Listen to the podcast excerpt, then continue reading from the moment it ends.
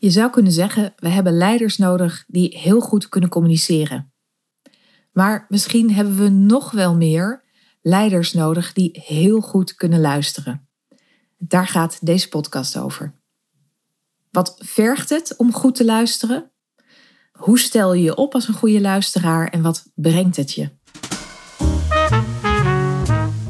Je luistert naar de podcast Boegbeeld Online mijn naam is Marieke Jans en ik inspireer je heel graag om een mooie, krachtige, positieve online reputatie op te bouwen. Speciaal als je het boegbeeld bent of graag wilt zijn van jouw merk of organisatie.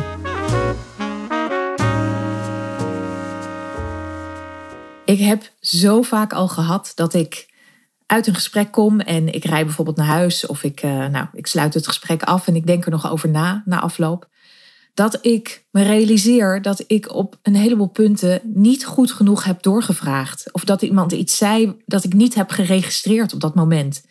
Kwartjes die na afloop pas vallen. En misschien komt dat omdat ik een trage denker ben, maar ik denk dat dat eigenlijk wel meevalt. Het zit echt in het nog niet volledig verstaan van de kunst van het luisteren. En daarin ben ik allesbehalve uniek. Want ik denk dat uh, de kunst van het luisteren iets is wat heel veel mensen nog niet ten volle beheersen. En dat dat, de kunst van het luisteren, misschien wel iets is wat we veel beter zouden moeten leren met elkaar. Om elkaar echt te horen en te begrijpen en te snappen. En elkaar volledig te zien en nieuwsgierig te zijn naar de ander. En misschien is de leider van de toekomst, de echte leider met impact, niet de leider die het allerbeste communiceert, maar misschien wel die het allerbeste luistert. Ik geloof dat luisteren allerlei ongemak vraagt. Het vraagt namelijk het ongemak van een stilte durven laten vallen, een lange stilte, omdat je nog op iemands woorden aan het kouwen bent, omdat je het nog laat inzinken, omdat je het nog aan het verwerken bent. Het vraagt ook het ongemak van kun je dit nog een keer herhalen om die vraag te stellen? Ik snap niet wat je bedoelt. Kun je het nog een keer zeggen? Of misschien wel kun je het nog een keer wat langzamer herhalen. Want we zijn natuurlijk zoveel snelheid gewend, terwijl we dat lang niet altijd in diezelfde snelheid kunnen verwerken. Of de vraag stellen: wat bedoel je hier dan precies mee? Bedoel je dan dit of bedoel je dat? Of bedoel je nog iets anders? Om dus echt door te vragen. En dat zijn allemaal ingrediënten die niet per se de ingrediënten zijn van een vloeiend en een makkelijk gesprek. Want het, het, ja, het wordt natuurlijk ook een beetje ongemakkelijk als je een lange stilte laat vallen. Of je vraagt, wat bedoel je daar dan precies mee? Of je vraagt, kun je dat nog een keer zeggen? Het, een, een leuk gesprek, daarvan hebben we een heel ander beeld. Daarbij zeg jij iets en dan reageert de ander en dan ga je daar weer overheen. Of je zit toch veel vaker, ja, dat kan er heel anders uitzien. Daar zit niet dat ongemak van die stiltes bij. Dus dat, om goed te kunnen luisteren, moet je dat durven en moet je dat durven verdragen.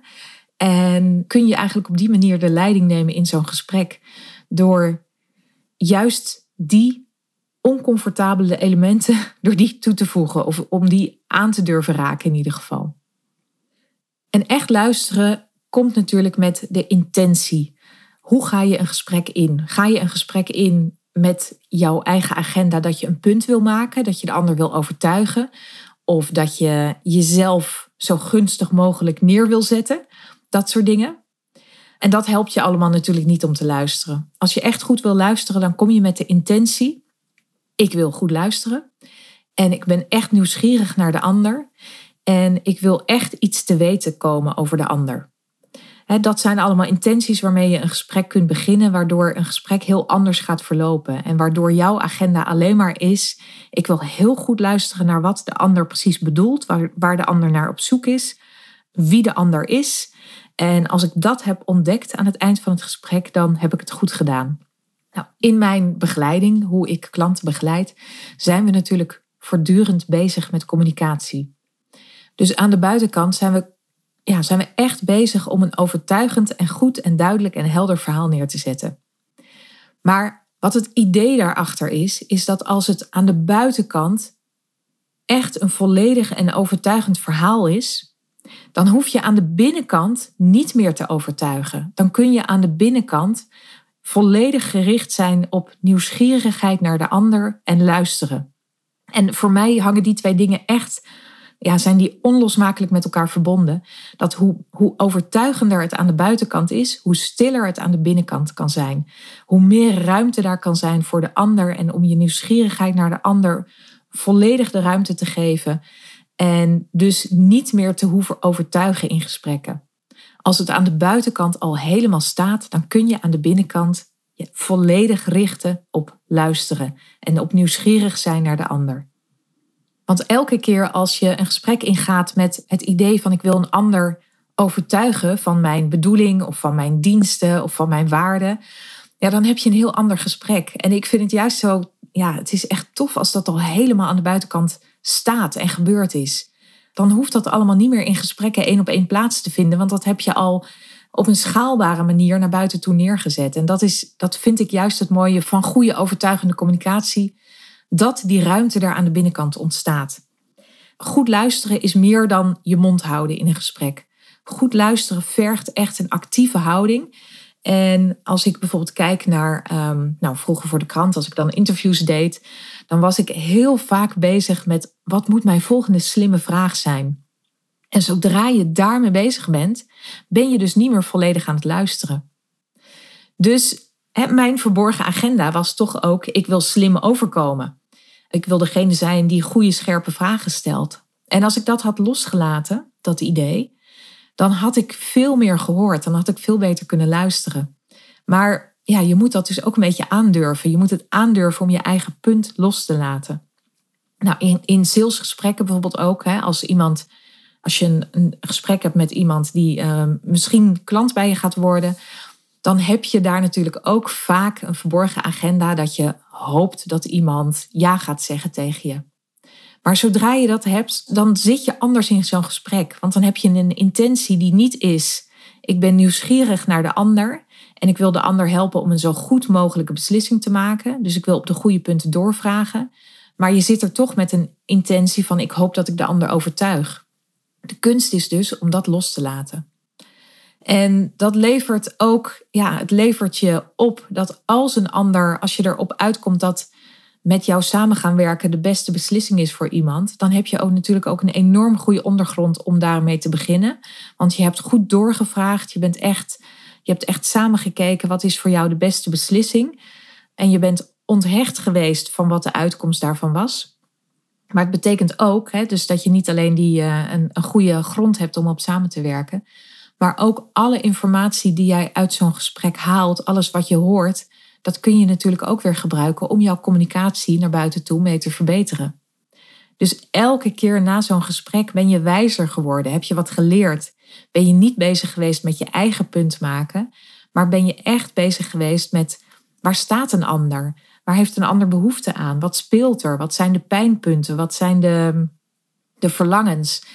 En ja, hoe meer ruimte er daarvoor is om daar echt goed op door te vragen. Dat betekent niet dat je iemand eindeloos over van alles hoeft te laten praten zonder dat jij interveneert. Want je kan, hè, je kan wel sturen in zo'n gesprek, namelijk door op de relevante punten door te vragen. Of te zeggen, ja, laten we ik, ik wil daar nog wat meer over weten van je. Hè, daar kun je natuurlijk heel goed sturing aan geven terwijl je luistert.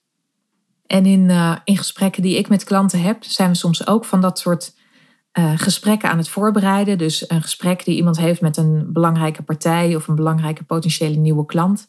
Daar kijken we ook, wat zou je, wat zou je nou na afloop echt van iemand willen weten? En hoe zorg je ervoor dat je echt vragen stelt, volop ruimte biedt voor de ander en niet je eigen punt gaat maken? Misschien aan het eind van het gesprek, als je vraagt: wil je nog iets weten over mij? Als iemand dan vraagt: ik wil meer weten over dit en dat van je, ja, dan vertel je dat natuurlijk. Maar het leuke is ook dat voor de ander, voor jouw gesprekspartner, zijn het veel leukere gesprekken. Als je in gesprek bent geweest maar naar iemand die echt goed naar je luistert en nieuwsgierig naar je is, dat is, dat is zo waardevol, omdat het misschien ook wel zo schaars is, dat soort gesprekken. Dus je maakt je eigenlijk door actief te luisteren en niet zo heel veel te zeggen, maak je jezelf ook bijna onsterfelijk. Het gebeurt gewoon niet zo vaak. We maken het niet zo vaak mee. En ik denk echt dat leiderschap en het boegbeeld zijn Het heeft te maken met goed communiceren. Hè, dat jij degene bent die het verhaal vertelt, die het punt kan maken, die naar buiten treedt. Maar dat is allemaal aan de buitenkant. En als je dat combineert met van binnen een supergoeie luisteraar zijn, als je je daarin bekwaamt, ja, dat, dat binnenstuk is misschien wel het allerbelangrijkste. En ik denk dat dat is wat we veel meer nodig hebben. En ja, wat ook uitdagend is om dat te ontwikkelen. Ik uh, probeer het dagelijks, de kunst van het luisteren, dagelijks te oefenen uh, bij mij thuis. Ik kan absoluut niet multitasken en ik ben heel geconcentreerd altijd bezig met mijn werk. Dus als er dan iemand tegen me aanpraat, dan zeg ik uit een reflex en echt zonder dat ik mezelf dat bewust ben, zeg ik ja, ja, ja. Dus dan heb ik ja gezegd op iets wat ik echt totaal niet heb gehoord. Nou, dus dan sta ik ook bekend als een slechte luisteraar. Maar dat betekent, ik weet van mezelf, ik moet echt even stoppen waar ik mee bezig ben. En ik moet mijn aandacht heel bewust richten op de ander. Of ik moet zeggen van, ik ben nu even met iets bezig. Ik kom zo bij je terug. Kan je het dan nog een keer zeggen? Maar bij mij gaat bezig zijn met een taak en intussen luisteren gaat echt totaal niet. Dat, uh, dat werkt helemaal niet. Dus ik word daar dagelijks in uitgedaagd. En uh, dan heb ik weer eens ja, ja, ja gezegd op iets wat ik helemaal niet hoorde. Dus ik heb ergens toestemming voor gegeven waar ik helemaal geen toestemming voor had willen geven. Dus de moeilijkheid en de kunst van het goede luisteren, ik vind dat een dagelijkse confrontatie. En helemaal in dat soort situaties met kinderen of met mensen die, um, hè, waar je. Uh, mijn kinderen zijn niet meer zo klein, die zijn tieners allemaal. Maar ja, die triggeren dat misschien wel het allermeest in mij. Of die confronteren me het allermeest uh, daarmee. En je herkent die situatie vast van uh, partner, van vrienden, van kinderen, van ouders. Ja, dat, dat het als het dichtbij is misschien wel het allermoeilijkste is om goed te luisteren. En om echt nieuwsgierig te zijn en om niet je eigen verhaal in je hoofd te hebben. Of aannames te hebben of hè, met, met een, uh, een hoofd vol te zitten. Maar echt even je hoofd te legen en dan te luisteren. Dus dat vereist iets actiefs voordat je luistert. Iets actiefs loslaten of iets actiefs, ja, een actieve beslissing maken om te luisteren en om er volledig voor de ander te zijn. Nou, nogmaals, voor mij gaan die twee dingen dus echt samen. Dus je kan beter luisteren als je meer overtuigt aan de buitenkant. dus dat op die manier versterken die twee dingen elkaar. En ik vind het echt een, een uitdaging en een kunst om te zorgen dat je je punt van buiten al hebt gemaakt, dat je, zodat je dat niet in gesprekken zelf hoeft te doen. Oké, tot zover. Dankjewel voor het luisteren. Ik hoop dat dit een uh, inspirerende podcast voor je is en dat het je aanzet om het eerstvolgende gesprek wat je ingaat anders in te gaan. Wil je meer van me weten hoe ik samen met jou zou kunnen werken aan dat overtuigende verhaal aan de buitenkant, zodat je aan de binnenkant nog beter kan luisteren? Voel je welkom om met me in gesprek te komen. Dat kan via mijn website of via een DM op Instagram of LinkedIn. Nogmaals, dankjewel dat je me helemaal hebt uitgeluisterd deze podcast en ik ontmoet je heel graag in een volgend verhaal.